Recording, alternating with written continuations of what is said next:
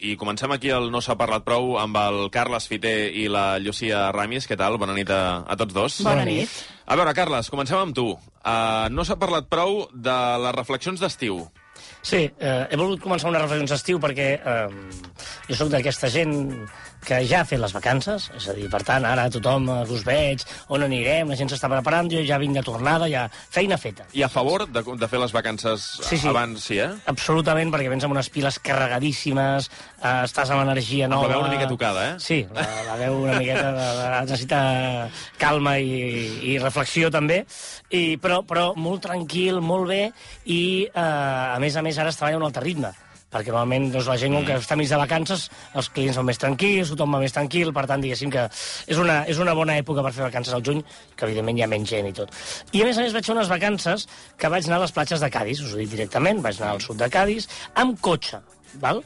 i aquí és on venia el meu record perquè jo quan era jove a casa meva viatjàvem, som quatre germans els meus pares érem sis que viatjàvem amb un cotxe amb un R12 primer i un R18 després per Europa. Havíem anat per tota Europa. I jo penso, ah, com podia ser als anys 80 no hi havia aires acondicionats als cotxes, eh, quatre darrere apretats, i, i, i fèiem quilòmetres i quilòmetres. Però ja era legal anar aquests quatre darrere? Jo crec que a aquella època no hi havia ni cinturons, no hi havia...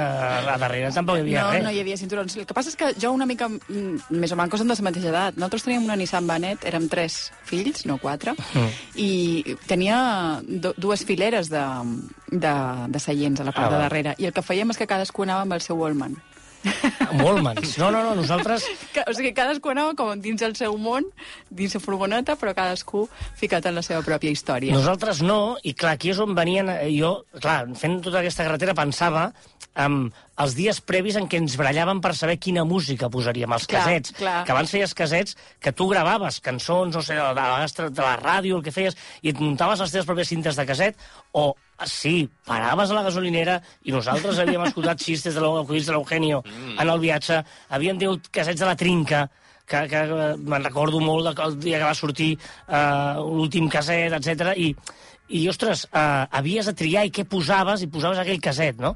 Ara és com dir, tens totes les cançons que vulguis, tens tant que no saps què vols. Clar. No, estàs allà que dius, ara què posem? Posem aquesta, amb aquesta llista, aquesta altra, ara no sé què. Ara la ràdio... A més a més, pots escoltar totes les ràdios perquè hi ha aplicacions com TuneIn, per exemple, que et permet escoltar totes les ràdios. És a dir, arriba un moment que dius... "Pff, Passa una mica com de vegades amb les plataformes digitals que el catàleg, l'oferta és tan gran que trigues més a decidir um, quina pel·lícula o quina sèrie mires, no? Mira, Jo moltes vegades ho he deixat anar. Sí, eh? En sèrio, he pagat la televisió m'he posat a llegir perquè no volia triar. I llavors, clar, els mapes, per exemple, no? Mm. Ara eh, tu poses gairebé no... Abans miraves la ruta, jo recordo, no, passarem per aquí, tal. Ara marques el destí, vale, arribarem en 10 hores, i tires i no saps ni, ni, ni et fixes en els pobles que passes, per on pots parar, què pots fer... No et Per- perds tant. Clar, és, però, però a vegades és, és, era bo perdre's Sí, i i preguntar, i parar un poble, escolta, on estava l'hotel, no sé què, i preguntes amb la gent de... Ara tot això es perd perquè és un viatge impersonal, en què tu puges amb un cotxe i, un, i, un, i una maquineta et porta al lloc de destí, i, i arribes al lloc de destí sense que haver interactuat amb ningú. És una cosa abans era impensable. Sí. Jo, això em fa pensar en un d'aquests viatges que varen fer. Varen fer una a Itàlia, en varen fer una altra a Extremadura i una altra a Astúries. Mo mare, eh, de jove, va viure a Astúries molt d'anys. Després se'n va anar a viure a Madrid. Però quan érem a Gijón, a la furgoneta, eh, crec que en aquell moment conduïa mon pare, mon mare estava al seient del, de l'acompanyant i nosaltres tres anàvem a darrere, no? I de sobte mon mare veu un exnòvio seu, un exnòvio seu de fa molt d'anys, imagina't, de, de quan tenia 16 anys, a lo millor, no? I el va reconèixer. I llavors, Uau. eh, mon pare va aturar la furgoneta al costat d'ell, li va dir pel nom, i el tio va flipar, anava amb una dona que era la seva dona, Sí, sí, sí. i, i se van en- espantar una mica, no? Perquè de sobte un tio s'atura allà al costat amb una Nissan Manet, i mo mare, des del seient de, de l'acompanyant, el saluda, i el tio flipava en Flipant, colors, no? clar, i van sortir tot tres de... Bueno, van sortir tots a saludar-los, i aquells no entenien d'on sortíem nosaltres i qui érem ni res, i va ser bastant divertit. I és vera que ara, a Pentura, hauríem estat mirant el GPS i no Clar, hauríem estat tan pendents de, de- de la gent que hi havia per carrer, no? Correcte. I llavors hi ha un altre tema, que és que no sé si encara es fa, que és quan tu viatges, si has de portar algun souvenir, algun regal. Primer, si l'has de comprar per tu, allò típic, eh?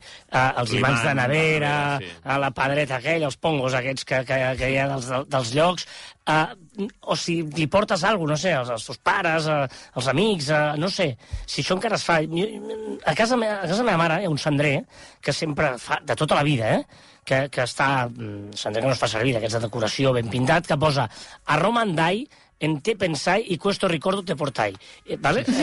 No cal traduir-ho, no, i perdoneu si no és ben bé així a l'italià, però sempre em va fer molta gràcia perquè està allà de, de, des de deu tenir 30 o 40 anys. I li vaig preguntar l'altre dia, escolta, això qui t'ho va portar? No se'n recordava. Clar, vull dir, algú en Clar. algun dia et devia portar aquells regals, aquests regals que, aquells imants de nevera que ja no sé si encara s'ha de portar sí, això. Si no, les botigues de souvenirs no existirien, no? És a dir, si encara continuen existint és perquè la gent encara va allà i compra i en, per molt que siguin això, imants el més eh, cutre que et puguis però, però ets conscient que fas el quiri quan vas a un sí, lloc sí, d'aquests, sí, no? I, i compres aquell imant, que és com quan aquí venien a comprar els barrets de mexicans, en recordeu a Barcelona? Sí. Que venien a comprar aquests barrets de mexicans que devien pensar que era lo típic d'aquí, mm. i no ho era. De fet, ja no se'n veuen de barrets de mexicans. Mm. El 2010, l'Ajuntament va parlar amb els comerços perquè deixessin de vendre aquest tipus de, de souvenirs, que... perquè van dir, escolta, anem, anem... i si us fixeu, va haver-hi aquest canvi en què eh, va coincidir amb la prohibició també de les corrides de toros, perquè hi havia molt barret de mexicà, molt, molt toro, molt, molt aquesta simbologia, i van dir, home, fem una coseta més local, que realment siguin coses de Barcelona, i és quan es van començar aquests trencadissos de Gaudí, mm. ara això veieu les paraules de, de Barcelona amb, amb, amb aquest trencadís, que això ja és més, diguéssim, sí que és guiri, però sí que té una mica més de relació amb Barcelona. I les postals, les postals, ja no s'envien postals des no. dels llocs de viatge, no? Ostres, sí. Abans era una cosa bastant habitual rebre postals durant l'estiu. Ara poquíssima gent envia postals. Ostres, jo, mira, ho faré. Ara ja, ja, ja, no, ja tornat, no, perquè penso que a mi em faria il·lusió rebre una postal. Clar. I per tant entenc que la persona que se l'invita també li ha de fer il·lusió rebre Segur. una postal. I, ah, mira, ara no hi havia pensat, però... però clar, ara ja has acabat les vacances. Tu. Sí, hauria de tornar a marxar. hauria de tornar a Cádiz un altre ja cop. Ja tens una excusa. Sí, exacte. Uh, vinga, va, Llucia, no s'ha parlat prou uh, de la Federació Balear de Balcòning. Sí, la Federació Balear de Balcòning és un compte de Twitter que des del maig de l'any 2022 porta el recompte de casos de balcòning a través de la classificació de la Balcon League. Uh, aquests casos van des de l'any 2004, que és quan comencen a sortir documentats en els mitjans, es poden trobar a les hemeroteques, fins a l'actualitat, no? I la descripció d'aquest compte és tot guiri que ve a votar a ca nostra cau a les nostres classificacions, darwinísticament turismofòbics. Tenen 32.000 seguidors i mig i el funcionament és eh, la qualsevol classificació. No? Van actualitzant marcadors i diuen coses com, per exemple, Jornada d'entre setmana inusual que provoca moviments de les zones de baixes de les dues classificacions històriques. Dinamarca, que no participava en aquest rànquing des de l'any 2014, suma punts des del port d'Andratx on no hi havia hagut cap cas des de l'any 2012. Sí, són cròniques esportives que et podies trobar, no?, al Mundo Deportivo, sí, sí, sí. però de, de balcònic. De balcònic, no? Les classificacions es fan per país de procedència i des de fa poc també pel lloc on s'ha produït aquest cas de balcònic. Magaluf i Serenal solen ser llocs bastant habituals on tenen lloc aquestes caigudes, no? I també des del pis del qual, eh, des del clar, pis des del qual han caigut, no? L'altura marca també, clar. Per exemple, a veure, el Regne Unit encapçala els rànquings. No hi havia dubtes. No hi havia dubtes sobre això, no? No, no cotitzava. Tenim sí. 29 morts, 75 ferits, per tant, 104 casos de precipitació. Pisos caiguts en total són 350. Mm. La mitjana dels pisos és de 3,4, és a dir, un tercer o un quart, aquesta seria la mitja, i és a, el Regne Unit comporta el 28% de casos totals. El darrer vot és l'any 2023. Entenc que computen només els que hi ha documentació, per tant, els que hi ha ferits o morts. Sí. Perquè el, el, el que es llença i els amics l'agafen, allò passa desapercebut. Això no surt, clar. Això clar, clar. el que no ha sortit a, la, a, les, notícies. a les notícies no compta. clar, clar. Després del Regne Unit el segueix Alemanya, amb 11 morts de 32 casos totals, 114 pisos caiguts, amb una mitjana de 3,6. Si mirem el recompte no per procedència, sinó per on han tingut lloc, aquest, eh, per on han tingut lloc aquests casos de balcòning, Calvià va al, capdavant. al capdavant. Hem de tenir en compte que a Calvià hi ha Magaluf, no? Mm. I allà hi ha hagut 19 morts i 75 ferits, i un total de 287 87 pisos caiguts. I després ve Palma... Parlem en històric, eh? Des del 2004 fins a l'actualitat. Després ve Palma, seguida de Sant Antoni, Eivissa, Eivissa, Vila, i Llucmajor, que és on hi ha Serenal. Part de Serenal és a Palma i part de Serenal és a Llucmajor. I la federació ho resumeix així. Supremacisme de Magaluf. amb Serenal a l'ombra i els hotspots eivissencs que tampoc queden curts. Que us passeu una idea de com és uh, aquest compte. No podeu pensar que és un rànquing molt macabre, ho és, Sí, Home, sí, sí, sí. però també és una manera de subratllar amb humor un problema que hauria de considerar-se de, de salut pública i demostrar quin tipus de turisme eh, hi ha que fem veure que no existeix o mirant cap a una altra banda, no? El compte és molt inspirador i fins i tot hi ha gent que ha escrit gloses sobre els rànquings d'aquest balcòning. És el cas del tuitaire Ratarot, que diu Repassant es medaller, no presenta cap sorpresa, amb sa colònia anglesa que reforça en es primer. Sant Antoni és tercer, des rànquing municipal, Magaluf i Serenal, marcant a clara distància, tot gràcies a la constància i en el seu gran potencial. Carai. Em sembla increïble. Totes les actualitzacions d'aquest compte van acompanyades de la notícia que l'acrediten uh -huh. i la més curiosa pot ser, va ser la de fa uns dies. Atenció. Primera vegada, diuen els d'aquesta Federació Balear de Balcòning, primera vegada que en tinguem constància, un atleta participa dues vegades a la Balcon League. Ostres. En aquest cas, poden confirmar que ha pogut millorar la seva marca personal de l'any 2018, però creiem que ja se retirarà d'aquest esport per la porta gran i els peus per davant. Es tracta d'un turista britànic que l'any 2018 ja va caure d'un quart pis a Eivissa i en aquella ocasió es va quedar clavat al pal d'un parasol. Hòstia. I Ah, ara- Perdó, perdó. és que clar, és que la imatge m'ha fet, fet mal a mi, saps? Se'l va clavar de cama, es veu. Oh. I ara mort després de caure des d'un segon No pis bé. sota els efectes de les drogues i l'alcohol. Bé, si voleu estar al dia de com va la Balcon League, podeu seguir aquesta Federació Balear de Balconing, arroba botcabota. El logo està prou bé, però trobo que el millor de tot és el retall de premsa que tenen com a encapçalament. Hi ha una entrevista a Lloyd Millen, que és el cònsul general del Regne Unit, i el titular és Els britànics no solen viure a pisos amb balcó. I pot ser és que no hi estan avasats. Aquesta seria l'excusa de per què hi ha tants casos de balcòning. A... Riem i t'a- i t'agraeixo que, que donar-li aquest to humorístic, Sí, sí, sí. però és, és realment És dramàtic. trist de, de veure que la gent faci aquestes bestieses a no sé quin al·licient li troben de tirar-se d'un balcó. No I que entès mai. continua sent un problema molt gros. És a dir, amb, amb els anys no sé si hi ha hagut una evolució negativa de, del balcòning a, a les illes i, i que a més és molt concret, no? A, Men, jo vaig passar un cap de setmana per fer una crònica a Magaluf. Eh, la primera cosa que em va cridar l'atenció és que els eh, joves eren molt, molt joves. És a dir, eh, aquests eren nens, pràcticament. I que tenien eh, un tipus de, de, de pulsera que els permet veure alcohol des que es lleven al matí fins que se'n van a dormir. potser és el seu primer gran viatge, no? De, Clar. de- I no només de- això, també de hi ha una ruta de, per, per una sèrie de, de locals que uh -huh. també poden veure gratuïtament o, si no, per un preu molt, molt baix. I el que passa, doncs, és això, que és, és la seva primera gran gatera, eh, amb una edat molt, molt... que són molt joves, eh, realment. Clar, clar, O sigui, a mi m'impressionava molt que fossin tan joves. I el que passa no és tant que, que, que es llencin... És a dir, ells mateixos me mostraven vídeos que s'havien enregistrat a si mateixos perquè no recordaven res de la nit anterior. I se van gravant els uns als altres per després mirar-se no? i a veure fet, què han fet. I llavors, això, d'una banda, fomenta aquest tipus de- d'activitat com eh, arriscada i, i temerària perquè els hi fa riure, això d'una banda.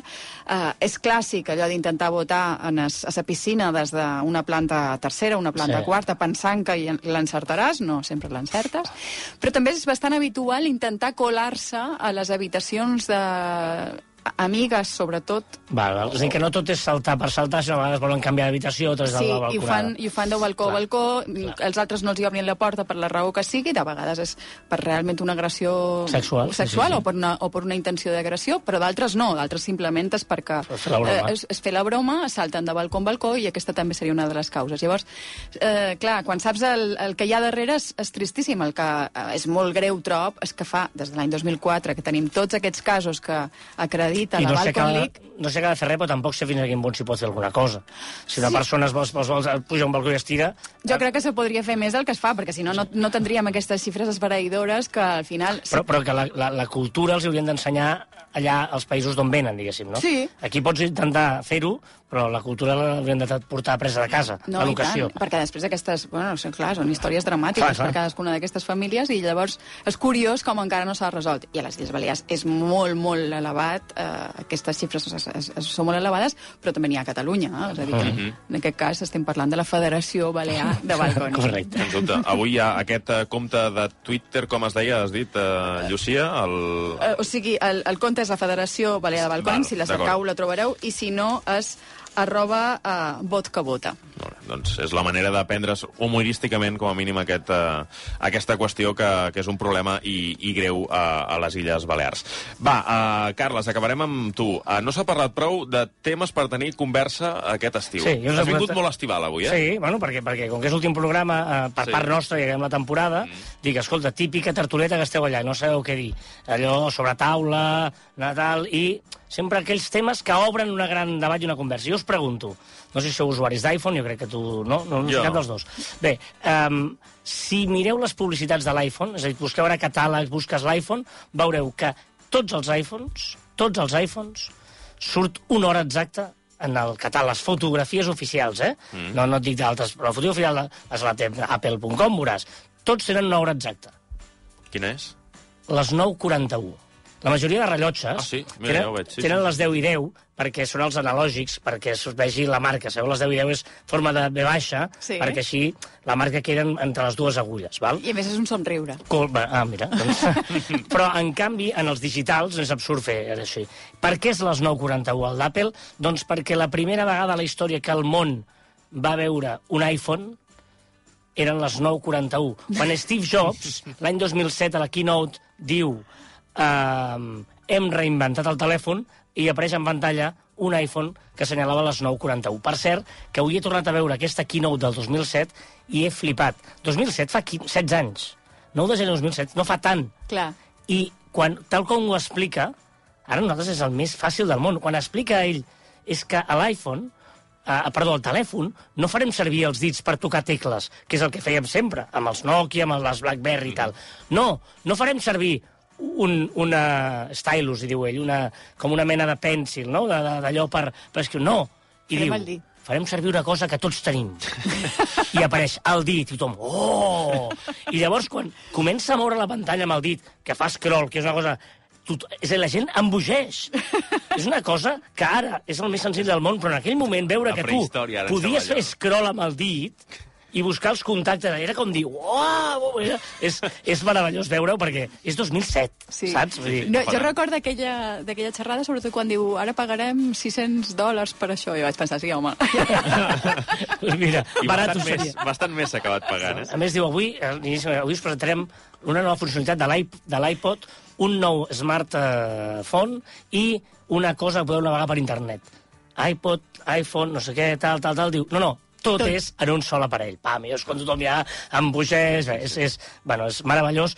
Tema de màrqueting, com explica les coses Steve Jobs, és... Bé, aquesta és la primera. Mm -hmm. Tema de conversa, 9.41 i per què va passar les 9.41. Un altre, aquest m'ha encantat. Quan vas a una porta, no hi ha timbre, què fem tots? Pica'm a la Trucar. porta. Com piquem a la porta? Toc, toc, Amb el toc. puny, Vale, no? I per què aixequem el braç? Sí, per què aixequem el braç per picar una porta si no hi ha el picaporta? Ja no hi és, no existeixen. Quina, és a dir, fixeu-vos que eh, fem un esforç absurd d'aixecar i picar amb el mateix gest que faríem si hi hagués el que ja no hi ha.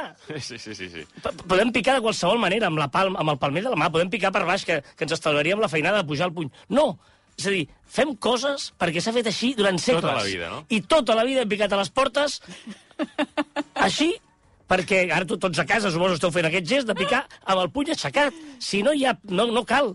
Pots picar on vulguis de la porta, pots picar al mig, a baix. Tota la Sona raó. igual. No, però piquem a la part de dalt. I un últim consell, molt Sí. important. Si aneu de vacances, no hi ha endolls, perquè a vegades hi ha hotels d'aquests que no hi ha un endoll, no en teniu gaires, i no teniu, sou dos, tu i la teva parella, per carregar el mòbil i us brelleu, que sapigueu que les televisions tenen USB i aquest USB carrega el mòbil també. Mm. Podeu enxufar a la USB de la televisió per carregar el mòbil. Ostres, aquest sí que no el sabíem. Us he salvat la vida a mig per Catalunya. Ja. A tu, pel que dius, te n'ha salvat, t'ha salvat Correcte, algunes correcte. No, vas a importants, alguns llocs que dius, com pot ser que no vegis un endoll en tota l'habitació? Cert. Enxufa-ho a la Ben televisió. pensat, molt Consells ben pràctics pensat. per acabar el No s'ha parlat prou d'avui. Carles, Llucia, moltes gràcies i bones vacances. Bon estiu, Igualment. que vagi molt bé. Bueno, Carles, tu ja l'has acabat, però la, la frase es diu He igualment. d'anar a enviar una postal. en algun lloc. Va, que vagi bé.